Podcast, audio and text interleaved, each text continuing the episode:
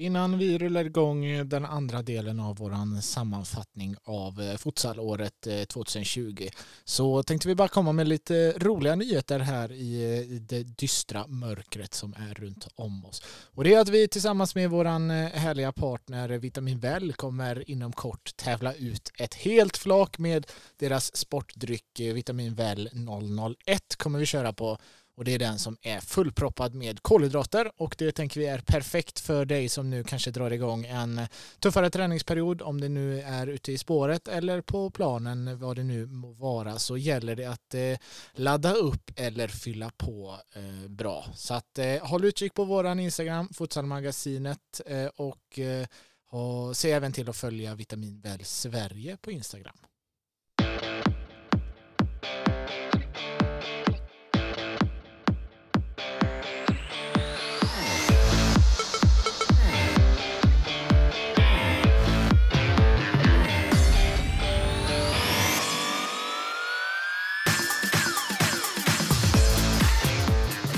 Tjena er mycket varmt välkommen till ett eh, nytt avsnitt av eh, podcasten eh, Futsalsnack med Gerd och Moncada. Ja men då är vi tillbaka igen och eh, nu är det ju som sagt dags för den andra delen av den här sammanfattningen av 2020. Det är mycket speciella året på alla sätt och likaså ett mycket speciellt år i futsal Sverige främst. Eh, vi avslutade senast med att vi, vi kom in på det som nu har blivit eh, nuvarande säsong. Starten av eh, den här höstsäsongen som nu är till sin ände och snart börjar ju vårsäsongen. Då fick vi som sagt se ett utlandsproffs i Victor Jansson. Honom har vi ju pratat med i den här podden. Lyssna gärna på det avsnittet.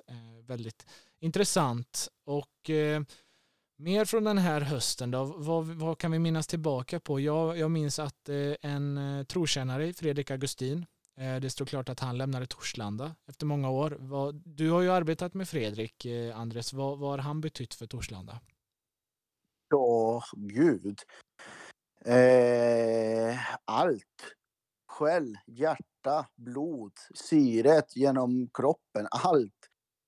Alltså Fredrik är en väldigt, eh, en väldigt unik person med sin driv och, och, och, sin passion och så många timmar. Han har ju offrat eh, och investerat i futsal. Eh, jag hade inte flyttat till eh, Göteborg till att börja med utan eh, Fredriks eh, hjälp och förmåga att övertala mig och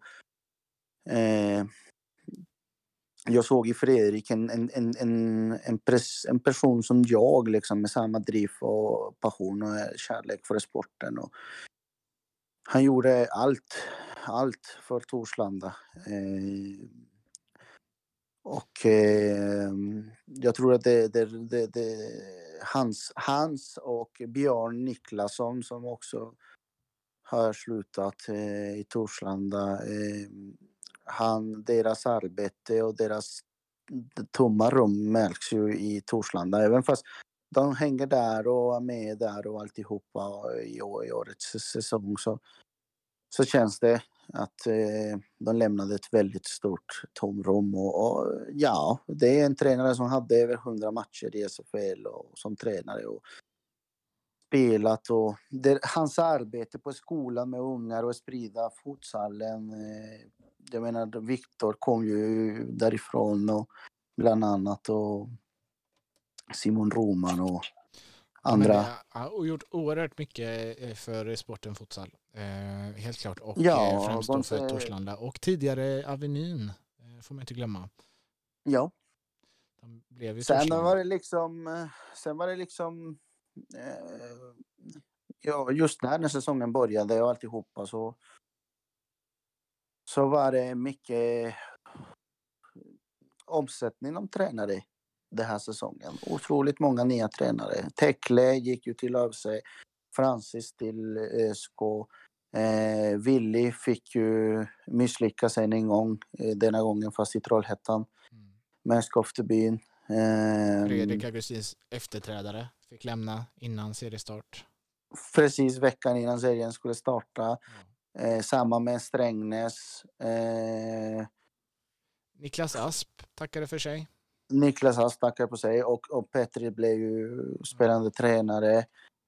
Det var, många, det var mycket, det är stor tränaromsättning i Ja, i men verkligen. Och eh, kan glida, glida in på Niklas Asp där, för om vi, om vi kan hylla eh, Fredrik Augustin för allt han har gjort så ska ju verkligen Niklas Asp in i den in i det rampljuset också. Eh, även om eh, Niklas eh, nu såklart fortsätter i sin roll som assisterande och det är vi väldigt glada för i och med all den kunskap han sitter på och vi är också väldigt glada för det. Nu pratar jag väl i och för sig ur min synvinkel men att ha en assisterande förbundskapten i och med att Mattia inte finns på plats i Sverige så är det ju oerhört viktigt att förbundet kan satsa så mycket det bara går på en assisterande förbundskapten så att han kan göra det här jobbet i Sverige, att tiden finns för att göra det jobbet i Sverige som en, eh, en förbundskapten behöver göra. Eh, med besök, eh, med scouting och allt vad det kan vara. Mm, jag tycker att den som vann mest, det är ju på, att, på hans beslut, är ju Niklas själv. Ja. Så mycket skit och kritik och press som han fick då de senaste ett och ett halvt åren. När han var både förbundskapten och tränare för Göteborg tror jag inte är hälsosamt. Nej. Eh, så jag tror att han, det är han som vinner mest. Även om SFL blir en profil fattigare och en väldigt kunnig tränare fattigare så vill ju Niklas vara med i landslaget och då tycker jag, tycker jag det var det kloka beslutet liksom att eh, att han, eh, för att det i mina ögon så är det svårt. Jag har alltid sagt det och jag säger det än idag och jag har sagt det till Niklas själv. Eh, mm, även fast man kan vara eh, neutral och, och, och objektiv så, så, så drar man på sig så mycket som sagt press och kritik och skit som så du måste hantera som egentligen då spenderar du energi som du borde lägga på något annat vi, vi, Mm eh, när man när man är inte när man egentligen inte är oberoende. Det är lite det är väl inte lite, det är jävig liksom. Så att och sen sätter du spelarna under press och under en, en, en, en, annan... Eh, jag, jag vet inte, man ser på spelarna på ett annat sätt. Även fast man vet att det är duktiga spelare så kommer alltid finnas den där jäkla skuggan eh, över dem att ja, de är där, de är jätteduktiga men de är ju med i laget som förbundskaptenen tränar. Så att jag tror att det drog ju mycket, mycket, det skjuvade mycket energi från alla inblandade. Det är ju många som, som kollar lite snett på sånt. Eh, även om eh, då det också finns fördelar såklart. Att eh, när de eh, i vissa fall har fått kalla in eh, en ersättare sent. Eh, då kanske man har, eh, ja men jag vet ju någon gång Pascal Olsson kallades in. Då vet Niklas exakt vad han får ut av honom för han har sett honom i alla olika miljöer på träning. Och det är ju Mm, jättebra eh, så sett. Men i, i det stora och i längden så, är, så, så blir det ju inte så bra för det skapar ju eh, lite klyftor som vi inte vill ha. Eh, vi hade ju ett tag eh, lite klyftor mellan lag, spelare som inte var med och landslag som att det vore ett eget lag. Och det, det blir ju inte bra så att det, det känns som att det var ett oerhört klokt beslut och eh, ett bra beslut för svensk del och eh, svensk eh, landslagsfutsals fortsatta utveckling. Höst blev, betydde ju också silly season och det var inte bara tränare som bytte klubbar utan det var en hel del spelare. Mest aktiva som vi varit inne på blev ju ändå ÖSK med stora värvningar som Adnan Shirak och Maikon Taiwan som, som naturligtvis sticker ut två av eh, ligans främsta spelare i fjol nu till samma lag. Sedan så eh, ska ju också IFK Göteborg nämnas. Eh, plockade in ett antal starka namn, Albert Hiseni, eh, en av dem. Så att eh, det blev eh, även en, en spännande silly season på spelarsidan. Men det, vi ska inte lägga allt för mycket fokus kring det utan vi, vi tar oss vidare och dags för eh, lite eh, ligaspel. Hörrni. Vad, vad, hur kände ni inför att eh, ligorna skulle dra igång? Det var ju ett, eh, ett RFL då som eh, för första gången skulle spelas med tre serier istället för sex och eh, ett SFL med lite, med lite nya lag och som sagt spelare och tränare som, som flyttat runt lite. Så vad hade ni för förväntningar egentligen? Ja, jag kan säga så här. Så jämnt som det är nu i SFL hade aldrig någonsin varit förut. Nu när spelarna vågar ta det där klivet liksom och kan flytta och kan eh, åka och pendla och, och det har blivit mycket jämnare och då ser vi matcherna varje, varje helg eller varje omgång som spelas att det är mycket jämnare nu än vad det var förut. Eh, kunskapen sprider sig ur precis som vi har pratat om eh, kunskapen som, som samlas både i landslag och att det är intresset för att titta på internationell futsal och så vidare. Det sprids sig mer och mer bland klubbarna. Eh, och säsongen har varit jämnt. Eh, de lag, eh, de lag som man tippade var i toppen är ju i toppen och de som man tippade skulle vara i botten är ju i botten. Jag tror, tycker att det är ingen överraskning. Eh, jag tror alla förväntade sig eller trodde att typ ÖSK skulle köra över alla lag med tanke på sin trupp. Men som jag har sagt från dag ett, eh, det gäller att få ihop truppen. Det gäller, det, varje, match är ju en, varje match är ju en annan, eh, som min egen. Mm, ja, det är speciell. Det är ju ingen match lik den andra. Och sen tycker jag att eh, Norrköping, Skoftebyn, Libertad ska vara väldigt tacksamma och ha tackat gudarna för, för corona. Eh, att de får spela eh, i SFL nästa säsong redan nu. Eh, för att jag tror inte de hade gjort det annars. Eh, Skoftebyn definitivt inte. Uh, alltså de, de, de torskar igen i helgen och de vänder inte på trenden och det, det ryktas om, eh, om mycket schismer och mycket problem internt mellan spelare och jag vet inte, det, jag tar det med en nypa salt. Det, det blir men, väl, alltså, eh, går det dåligt så skapas ju sådana rykten oavsett. Alltså det är ju, ja. det är ju oundvikligt att, eh, för man letar ju alltid, det är ju så människan funkar, man letar anledningar till att det, det inte går så bra. Det, ja. Så Nej, funkar vi precis. också här i podden. Alltså det, man, man man letar anledningar till att ja, men det, det kan ju faktiskt vara så att eh, eh tränaren inte eh, uppskattar eller ja, hit och dit. Va? Att... Ja, jag menar att det är så att ja, Skoftebyn är den största, största, största händelsen i år. Jag tror att det är otroligt, otroligt lättsamt att se. Eh, EFC går inte så bra heller egentligen. De har svajat mycket fram och tillbaka. Och Borås är ju där, Borås är ju alltid där. SK för en gångs skull, jag tror det är första gången på flera år som SK håller sig jämn i toppen liksom. Som mm. de inte behöver oroa sig för nedflyttning eller något liknande. Det är ingen, inga, inga kriser vi kan snacka om hittills eh, om SK. Jag tror det kanske, kanske Francis har lyckats få ihop truppen och, och sammansvetsa spelarna och viljor och alltihopa. Det, det är som sagt det är det det hängde på med tanke på deras eh, egenskaper liksom. Ja, det, det, eh. men det är ju det som, det är det som är så roligt med den här serien att oavsett eh, så kommer ju allt ställas på sin spets i en kvartsfinal. Åker du i en kvartsfinal så kan man inte kalla säsong för succé. Nej, det är, nej det är, absolut oavsett inte. om de kommer komma ett eller två eller sådär va? så har de gjort en oerhört stark grundserie och som du säger också då mycket, mycket starkare än vad de gjort tidigare år eh, lyckats hålla sig eh, jämn, mycket mer jämna.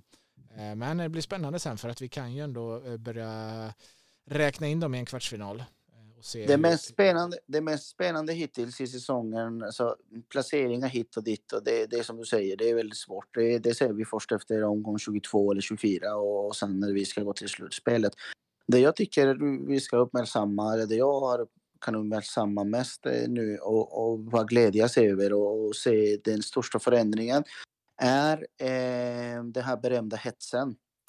Eh, som vi har haft i år, fast det är ingen publik i hallen, fast det är ju eh, mycket annorlunda säsong så tycker jag att matcherna har vuxit i sin intensitet, att rivaliteterna har blivit större att prestigen är mycket, mycket större. Att det är faktiskt värt att vinna en match. Eh, för matchens skull, bara för ärans skull. Det är inte så mycket det tycker jag är bra att där har ligan vuxit, att, att det behövs för att vi ska vara ett sport som intresserar. Eh, givetvis tycker man det är tråkigt när det blir så många röda kort.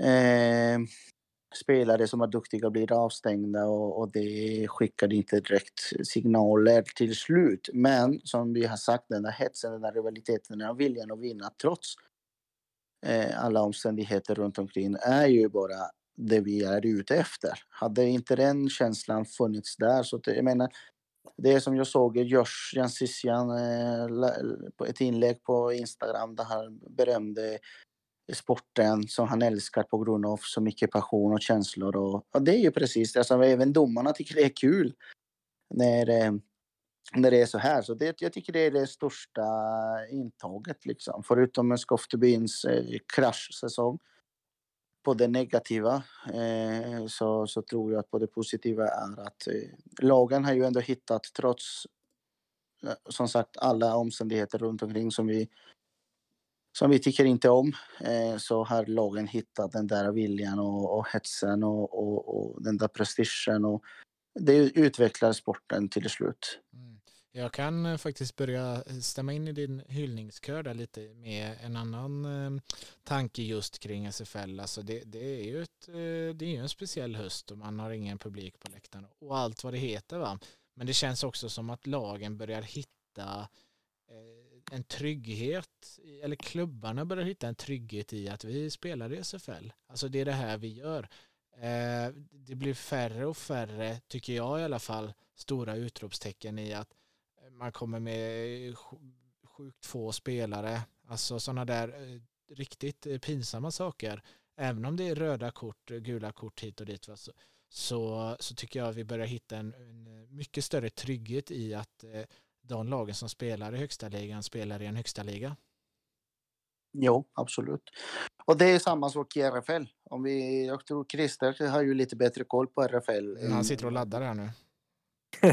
ja. ja, men vad, vad hade du för förväntningar om vi börjar där inför den här RFL-säsongen, Christer?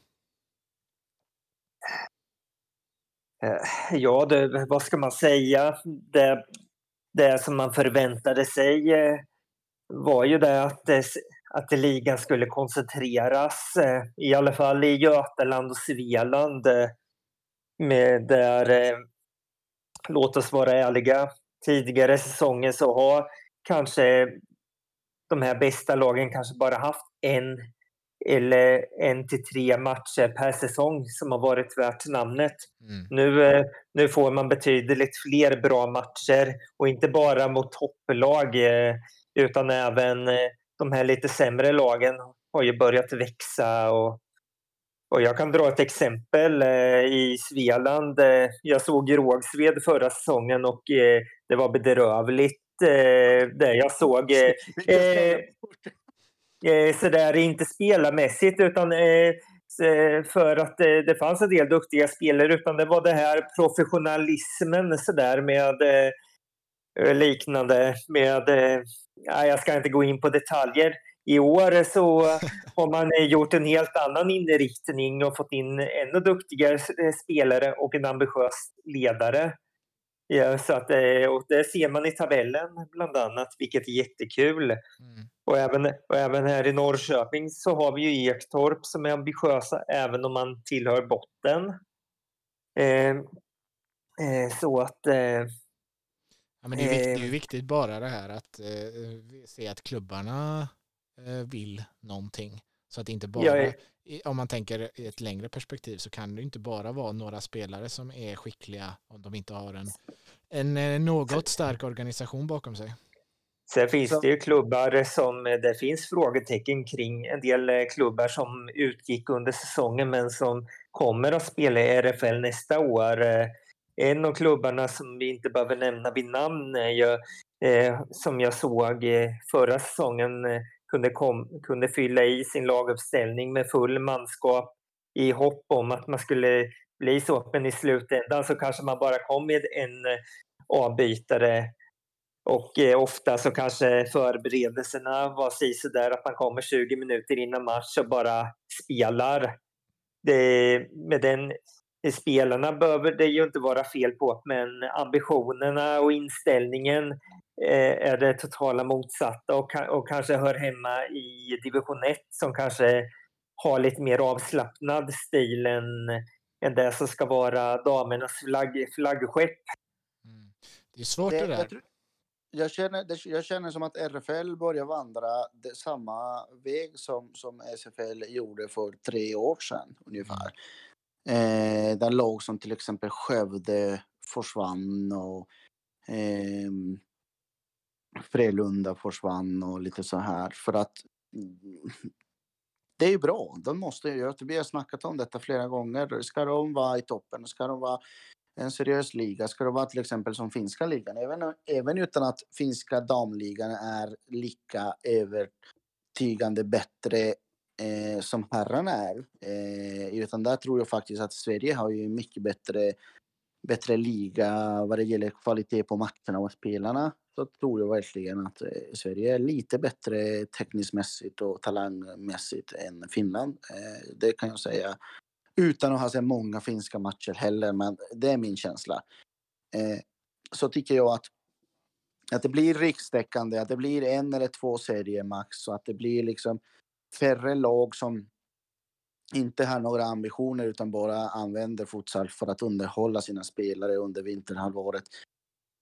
Eh, när det blir mer lag som hittar, som Göteborg, som, som eh, Djurgården, som Järla, som, som Blåvitt, då, eh, guys och när det blir fler Ektor, när det blir eh, EFC, när det blir mer sådana lag som verkligen vill någonting och som, som, som har samma förutsättningar för sina damverksamheter som för herrarna, då blir det mycket bättre givetvis. Som Christer säger, det kanske inte är problem hos spelarna, men om inte ambitionerna fanns eh, hos de som ledde lagen och, och, när det inte finns förutsättningar för att utföra ett bra eh, ja, för att driva en, en vettig verksamhet, då, är det väldigt, då spelar det ingen roll vad du har för spelare. Eh, och det är ju väldigt bra. Det som sagt, jag fick ju faktiskt lite skäll, eller inte skäll, jag ska inte säga skäll, utan jag fick en, en eh, eh konstruktiv kritik i, och med att de flesta, jag förra, eh, för någon avsnitt sen så sa jag att det var några, bara några lag som sände sina matcher i RFL. Men det stämmer nog inte, utan de flesta sänder sina matcher, men de gör det genom det här eh, app Min Fotboll från förbundet. Eh, så att, bara en sån sak, liksom att, att lagen sänder ju nu matcherna. Det finns väl scouta för de nya förbundskaptenerna. Och, och, eh, och jag har ju sett en del matcher via den appen. Eh, det, det blir kostsamt i och för sig och eh, kvaliteten kan ju bli bättre där det i princip bara är en mobilkamera som filmar, men det är alltid något så ja, men vi eh, betalade, ja, men betala 30, jag vet inte, 30 spänn eller vad det kostar. Men vi betalade betala 69 spänn för att titta på matcher i SFL. På, så är det. På Solid Tango. Och, och kvaliteten var inte bättre heller. så att, så att jag tycker att det är ju helt okej med tanke på, jag menar, det är klart att man ska betala för att se matcherna. Man kan inte säga att allt ska vara gratis. Det är ju, jag, jag har aldrig påstått det och jag har förespråkat eh, tidigare att, eh, att man ska försöka stötta klubbarna. Men, eh, men eh, man, vill, eh, man vill alltid ha lite mer än vad man får, så att säga. Ja, men eh. Christer, vi vet alla att halva din, din, din lön går ju åt futsal varje månad. Det är ju, du reser, du fikar i varenda... Du, du köper eh, delikata bollar i varenda hall du besöker. Och... Ja, ni, ni nämnde ju gymkedjor och protein eh, i förra avsnittet. Vi kanske ska försöka få in lite konditorier och, eh, och, eh, och bussbolag eh, som samarbetspartners också. Men så att jag kan göra en Norrlandsturné med Andres och kanske andra. Och då får vi ju gå in på den norrländska futsalen i RFL som vi inte har nämnt som fortfarande ligger lite efter och Eh, men eh, där IFK Kullsjön kanske är eh, i framkant och, och det blir ju en tuff resa för dem för att även de vill ju ha bra motstånd och stimulans i sina regioner det jag tycker mest roligt med, med RFL i år, det är att det finns nu finns det en vilja hos spelarna. Som sagt, jag får mycket återkoppling om podden och sånt från, från, från tjejer, mer än vad jag får från killar. Eh, det glädjer mig för att det har väckt det här, det här, den här eh, känslan har vaknat hos, hos tjejerna att de vill utveckla, att de vill vara bättre. De tittar på internationell futsal. Eh, förut kunde man nämna kanske fyra, fem duktiga spelare på damsidan. Nu tror jag att de flesta av oss är väldigt bekanta med med, med all, de flesta spelarna i, i, i toppklubbarna i alla fall. Alltså, vi vet vilken, vem Isabel Maria Aguilar är och, och, och eh, Malin Fors och, och i, i Gais. Det, är inte bara, det, är inte bara, det är inte bara Daniela Chamoun och Nazanin som, som, som nämns nu för tiden utan det finns massa andra, Nanna Jansson, Eh, alltså, det finns väldigt starka och roliga profiler i RFL. Det börjar bli liksom också så där att du bygger en profil eh, inom damfutsal och, och, och det är ju jättekul. Det är jättekul. Och inte bara det, vi har ett landslag också som eh, har presterat eh, bra även om det var ett tag sedan man eh, deltog i EM och nu har spelarna ett mål och kanske inser att, att det finns andra vägar än just fotbollen. Och när vi nämnde, när vi pratade snabbt om, om den nya förbundskapten före julavsnittet då, David, om du kommer ihåg. Vi pratade yes. vad, vi för, vad vi förväntade oss eller ville eller tänkte om en ny förbundskapten för damerna. Så tror jag vi var överens om att det behövde, att det måste vara någon som pratar och alla tjejer oavsett vad du heter, oavsett vad du har uppnått, oavsett vad du är, hur många följare du har på Instagram. När den personen pratar så ska du lyssna för att du har mycket att plocka därifrån. Om du vill utvecklas så ska du lyssna på den här människan för att han har massor att tillföra till dig. Och där tror jag faktiskt att vi kan vara väldigt nöjda med, med förbundskaptensvalet som, som Mattias Atteus och de på förbundet gjorde med, med Gabriel Diaz. Eh, jag menar, han har vunnit allt eh, som går att vinna inom futsal. VM, Champions League, spanska ligan, spanska cuper, Brasil, brasilianska ligor. Jag menar när han presenterades för förbundet så såg jag på hans Instagram att det var hälsningar från typ Sergio Lozano som är, eh, som är kapten i Barcelona Lassa futsal och, och så spelar för spanska landslaget. Den legendariska tre, brasilianska tränaren Marquinhos Xavier hälsade honom. Eh, alltså, och så menar, Marquinhos Xavier är ju tränare för brasilianska landslaget. Eh, för de som inte vet. Eh, vad, det, vad, vad, det, vad detta betyder eh, kan någon undra. Vad spelar det för roll vem som hälsar och gratulerar honom? Jo, det betyder mycket för det innebär dessa personer som gratulerar honom. Det är ju personer som är topp. Det, det, är ju, det är ju det är det bästa och det bästa inom sporten och de känner till sympati för Gabriel för att de känner ju honom, för att de har delat omklädningsrum, för att de har spelat matcher tillsammans.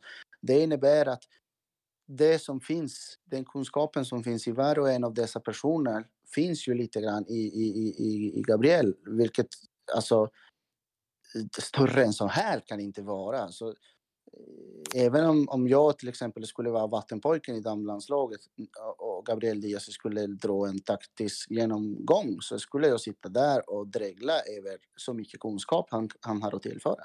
Mm, det är ett mm. oerhört eh, häftigt namn som eh, vi får in här nu och eh, kan ju knappast klaga på våra förbundskaptener, eh, åtminstone vad de har eh, för bakgrunder nu. Eh, oerhört skickliga och rutinerade personer som de har lyckats locka till, eh, till Sverige och de eh, svenska och, landslagen.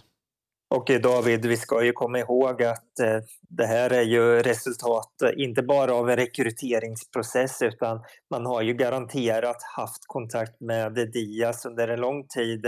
Du kommer ju ihåg när du, jag och Andres var i Uddevalla. När, ja, visst var han, han var när, Dullevatt och Ternström debuterade då, då var ju faktiskt Diaz eh, där under sista dagen. Eh, Just det. Nej, Jag kommer, och, eh, ihåg också, jag kommer ihåg också att nu när de hade det här eh, Stockholmsläger och Göteborgsläger, sista lägret för, för Moffe och kompani. Då i Göteborgs läger var Gabriel Diaz, vill jag minnas. Jag tror att jag såg honom på någon bild där. Du kan kanske undersöka det, men jag tror att han var där. Ja, jag har faktiskt hört folk som har kopplat ihop både Diaz och även han, eh, den assisterande förbundskaptenen Carlos Olave heter han va? Ja. Eh, I samband med olika eh, sammanhang. ja, och så Carlos kan vi inte glömma att vi har hyllat honom mycket här i podden också eh, för det han gjort med Hittarp. Jag träffade honom i februari när jag var med jag var iväg till Helsingborg med juniorlandslaget eh, för att möta Moldavien tror jag.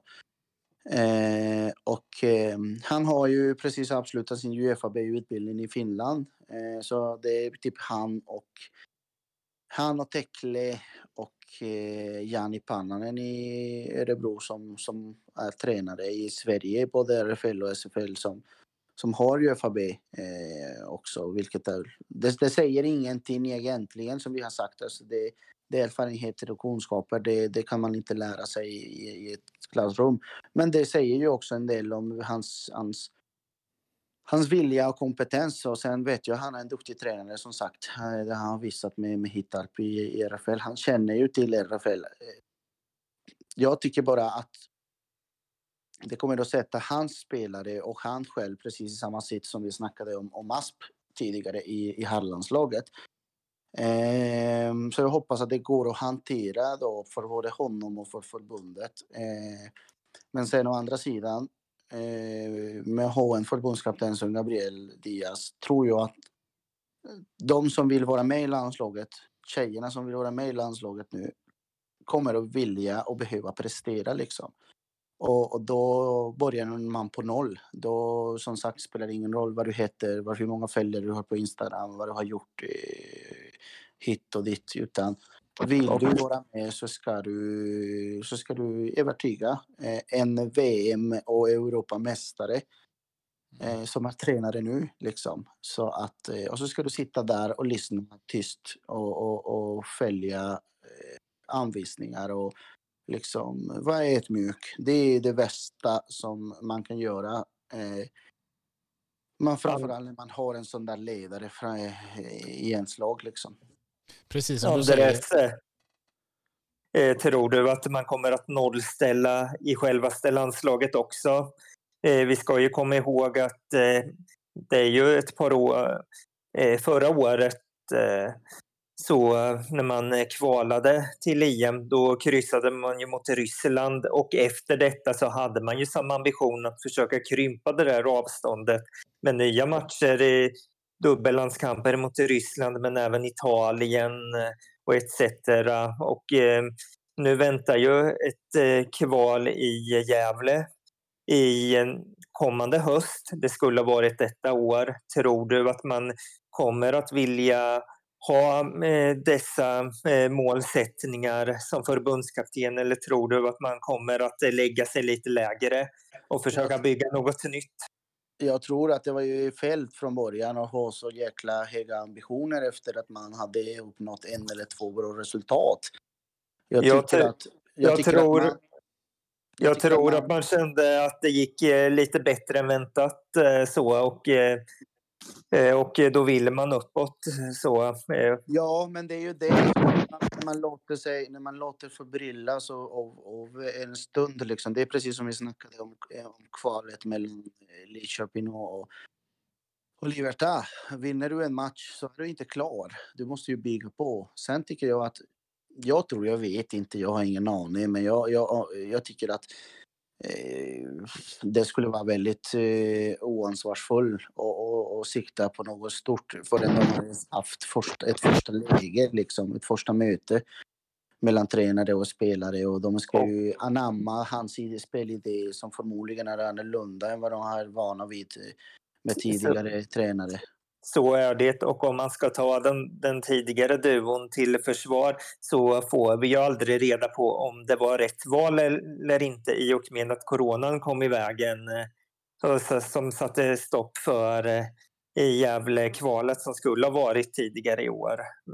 Men det ska bli jättespännande att se vad Diaz och Olave kan utföra. Mm. Ja, vi ska rulla vidare med det här eh, eh, konstiga året eh, som ändå har innehållit en hel del eh, ljusglimtar. Eh, de stängde ju för publik eh, tidigt i, eh, i våras och eh, det har ju inte varit någon publik heller under den här inledningen av säsongen. Det var väl några matcher här och där som vissa lag valde att ta in ett, ja, ett 50-tal max. Men annars har det ju varit tomt på läktarna. Sedan blev det ju också värre Eh, och eh, man eh, valde då att pausa ligorna. Alla ligor förutom SFL, vilket då blev en, en stor och ganska lång följetong just med att RFL pausades men inte SFL. Vad, vad minns vi från den, från den tiden? Där det, det, skrevs ju en hel del i tidningar hit och dit med insändare och krönikor från och även intervjuer med spelare från RFL. De var ju inte nöjda helt enkelt. Nej, men det är inte så mycket vi kan snacka om det. Det är ju så ganska fräscht egentligen. Det, det var olyckligt. Det kom vi överens alla, eh, tror jag. Jag tror alla var överens. Du och jag, när du och jag spelade in den podden så var jag lite, eller vi väldigt oroliga över huruvida folk skulle ta det på rätt eller fel sätt och hur mycket kritik och skit vi skulle få emot oss. Kommer du ihåg det? Jajamän. Men eh, nej, det var väldigt lugnt och jag tror att vi lyckades. För en gångs skull så lyckades vi båda två. För oftast lyckas du, men inte jag. Men denna, den gången lyckades båda två komma fram till vettiga förklaringar som alla köpte liksom. Eh, I alla fall de som hörde av sig och det är ju de som också eh, var mest kritiska över beslutet som hörde av sig till mig och sa att de höll med att det var väldigt olyckligt och att vi hade uttryckt oss väl Eh, över situationen. Eh, och sen hade vi ju äran och nöjet att ha Mattias Eteus i podden med oss som förklarade mycket djupare situationen och, och ja, som sagt, mycket lärdomar ifrån den då. Eh, eh, den situationen som jag tror att alla kommer att dra nytta av och kommer att ytterligare vara sån där utvecklingssteg i, i slutändan. Det kommer att vara ett bidragande eh, faktor till eh, utveckling i, i svensk futsal. Ja, det var ju en, eh, en diskussion och eh, Mattias Eteus som var med i podden eh, valde ju också att kalla det här för en utvecklingspaus istället för något annat och det, det tycker jag ju att vi kan eh, skriva under på. Eh, jag tror att de lärde sig mycket längs vägen och vi får också passa på att hylla Mattias och, eh, och gänget där på förbundet för att det var ju oerhört snabbt jobbat med att få fram en eh, handlingsplan som, eh, som skulle funka för att de skulle kunna köra igång igen. Mm. Däremot så efter det så kom igång RFL och SFL fortsatte och alltihopa. Men då det senaste det här året bjuder på eh, är att division 1 och alla i, i herrar då, och även damer och alla divisioner eh, under och pausas. Eh, eller, de kommer inte igång överhuvudtaget något mer i år och, och det blir ingen nedflyttning från, från SFL som vi har nämnt förut. Och det blir ingen uppflyttning heller då givetvis från, från division 1 eh, och så vidare. Och, och vi snackade ju förra avsnittet eller förra avsnittet om, om det här pressmeddelandet från, från Rosengård som nämnde att, att eh, beslutet hade fattats ja, precis. på grund av eh, fotbollssäsongen för att skydda fotbollssäsongen och inte på grund av pandemin. Och vi lovade eh, också att eh, kolla vidare på detta och eh, frågade också om eh, ja, folk kunde luska i detta. Och nu har du kikat på det här. Ja, jag fick ju faktiskt från Ektorp fick jag eh, en kopia på mejlet. Det, det, det, det mejlet de fick, det var i alla fall den där eh, tillägg eh, som de hade fått i, sin, i mejlet fick inte jag så, eh, i mitt mejl. Det kanske har fastnat någon annanstans. Men det stod, det, det stod ju klart, klart och tydligt då. Du, du fick ju en kopia på det. Mm. Det stod ju klart och tydligt precis som Rosengård hade beskrivit det. Eh, att, att det Ja, men det är mycket grund av fotbollen. Ja, att beslutet fattades för att skydda fotbollsverksamheten. Precis. Vilket är oerhört tråkigt. Ja, Eh, verkligen. Oerhört tråkigt. Precis som, som vi såg då och precis eh, på samma sätt så tänker de jag har pratat med. Hade de bara sagt det pausas på grund av pandemin, alla hade köpt det. Mm. Man behövde inte nämna detta med fotbollen för att det, det är ju helt och hållet skittråkigt. tråkigt. Ja, men och jag tycker också att man hade väl inte behövt nämna det av den anledningen heller. Att jag tror att de flesta kan jag ändå tänka mig köper att eh, man ställer in en eh, division 1 eh, och så vidare säsong i, i gympasalar.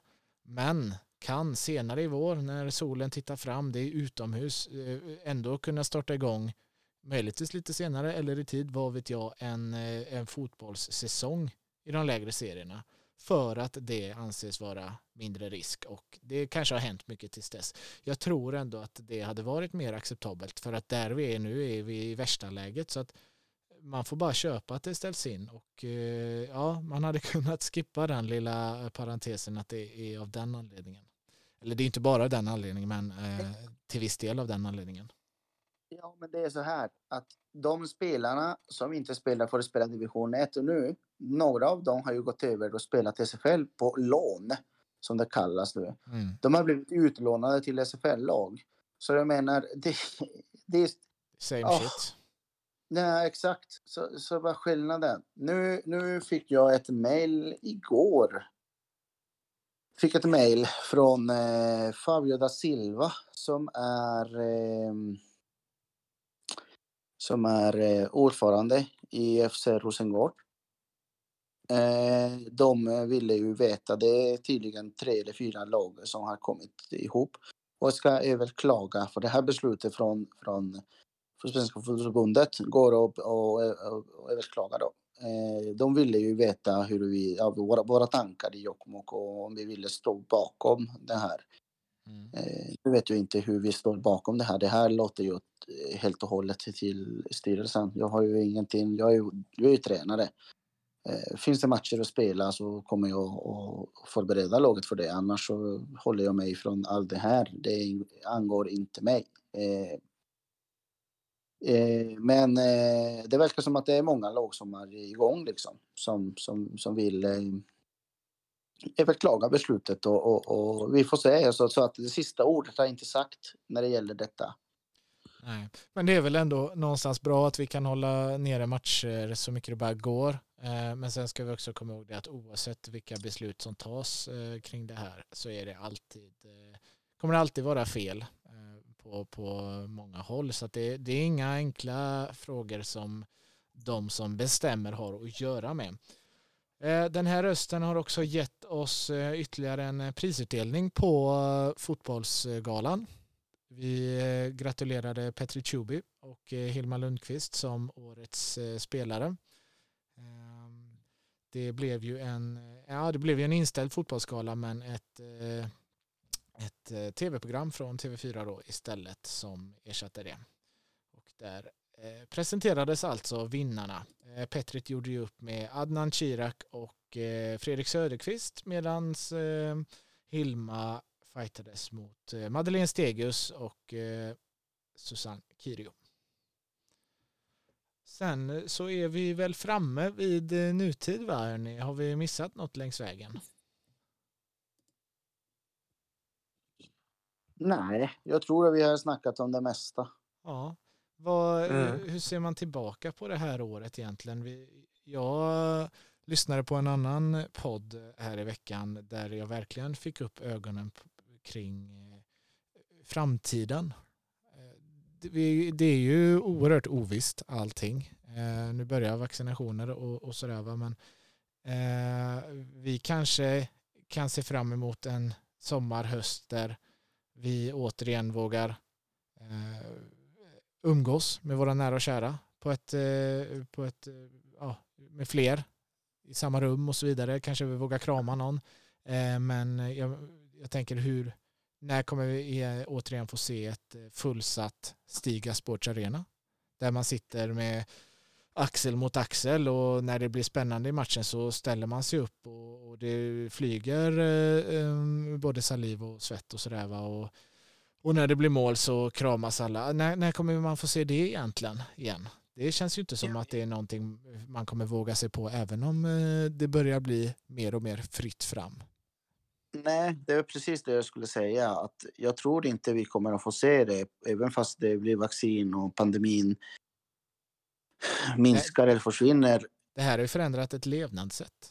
Jag tror att det kommer att vara så. Jag menar, jag går inte in... Nu, nu är det så att det har inrotat så mycket att jag går inte in någonstans utan att spritta mig. Även, även när jag träffar... Även liksom, jag är i fikarummet på mitt jobb. Jag kommer in, jag sprittar mig. Jag går ut för att tvätta händerna efter jag har ätit mat. Går in igen och så sprittar mig igen. Jag ska ta kaffe och då spritter jag mig precis innan jag ska ta kaffe. Alltså, vi har pratat mycket om det hemma till exempel, att vi har varit mindre sjuka det sista året än vi brukade vara förut. Mm. Eh, alltså, då har det bekräftat att våran hygien är inte eh, Eh, vi är inte hygieniska som liksom vi borde vara egentligen. Vi tvättar händerna för lite och allt möjligt. Och inte att, vi, att man är äcklig, men inte så här överdrivet mycket som vi gör nu. Eller som vi kanske borde ha varit hela tiden egentligen. Eh, jag tror att folk kommer att vara väldigt försiktiga. Folk tror att ja, när pandemin är borta, när restriktionerna är borta, då kommer vi alla vi trängas i en arena eller i, i en eh, charterresa till Gran Canaria. Jag tror att folk kommer ändå... Eh, det blir ju det blir ju förändringar. Varenda pandemin, jag tittar på lite dokumentarer och varenda pandemin, Ja, varenda pandemin har ju förändrat eh, mänskligheten på ett eller annat sätt. Mm. Ja, det är en oerhört eh, eh, ledsam men också intressant eh, diskussion kring hur, hur livet kommer se ut efter det här då och i vårat fall ur, ur futsal synvinkel. När kommer vi våga se eller när kommer man våga sig in på en, eh, en läktare som man vet det är mycket folk på? Det, det, det kommer nog ta ett tag innan vi får se det igen. Så, så länge jag kan gå in i en hall, skrika lite välvalda ord till, till mina spelare och vara med på matcher och eh, snacka lite snällt och med, med domarna under matchen och sånt. Och jag, jag kan komma in till Finland utan att visa mitt pass eh, varenda gång så tror jag att jag kommer vara nöjd egentligen. Mm. Men vi, det finns så många som eh, runt oss. När kommer eh, Arne, 78, eh, våga se sitt favoritlag i SFL igen på plats. Eh, ja du. Det är, det är en oerhört eh, eh, konstig och eh, ledsam tid vi lever i. Så att, men vi får göra det bästa av det och det har vi gjort genom att sammanfatta det här året. Ett eh, mycket speciellt år, ett mycket speciellt futsalår. Eh, väldigt, väldigt trevligt att ha eh, den eh, allas vår älskade Christer Melin med oss idag. Ehm, har du några avslutande tankar innan vi ska börja runda av det här årets första avsnitt? Jag kan ju bara instämma när det kommer till era reflektioner om livet eh, angående pandemin. Att eh, det är ju det är väldigt ovisst eh, just nu och det kommer ju även vara så även i kommande år. Så att eh, man får väl helt enkelt se och vänta vad som händer. Mm. Så yes. Så är det. Vi fångar dagen. Så är det. Det är ledorden här. Eh, vi, vi tackar så mycket för att ni har eh, lyssnat på oss eh, även den här veckan och eh, ja, håll som eh, sagt eh, utkik här nu på eh, sociala medier framöver. Vi kommer ju ha en tävling eh, tillsammans med Vitamin Väl om ett flak sportdryck. Det vill ni inte missa nu när ni kanske drar igång lite försäsongsträning om en på egen hand ute i spåret eller vad det nu må vara så lär ju ett ett intag av denna eh, sportdryck laddad med eh, kolhydrater vara bra i, i, i det fallet. Ha det gött hörni så hörs vi om en vecka igen. Ha det gott, hej. Tackar.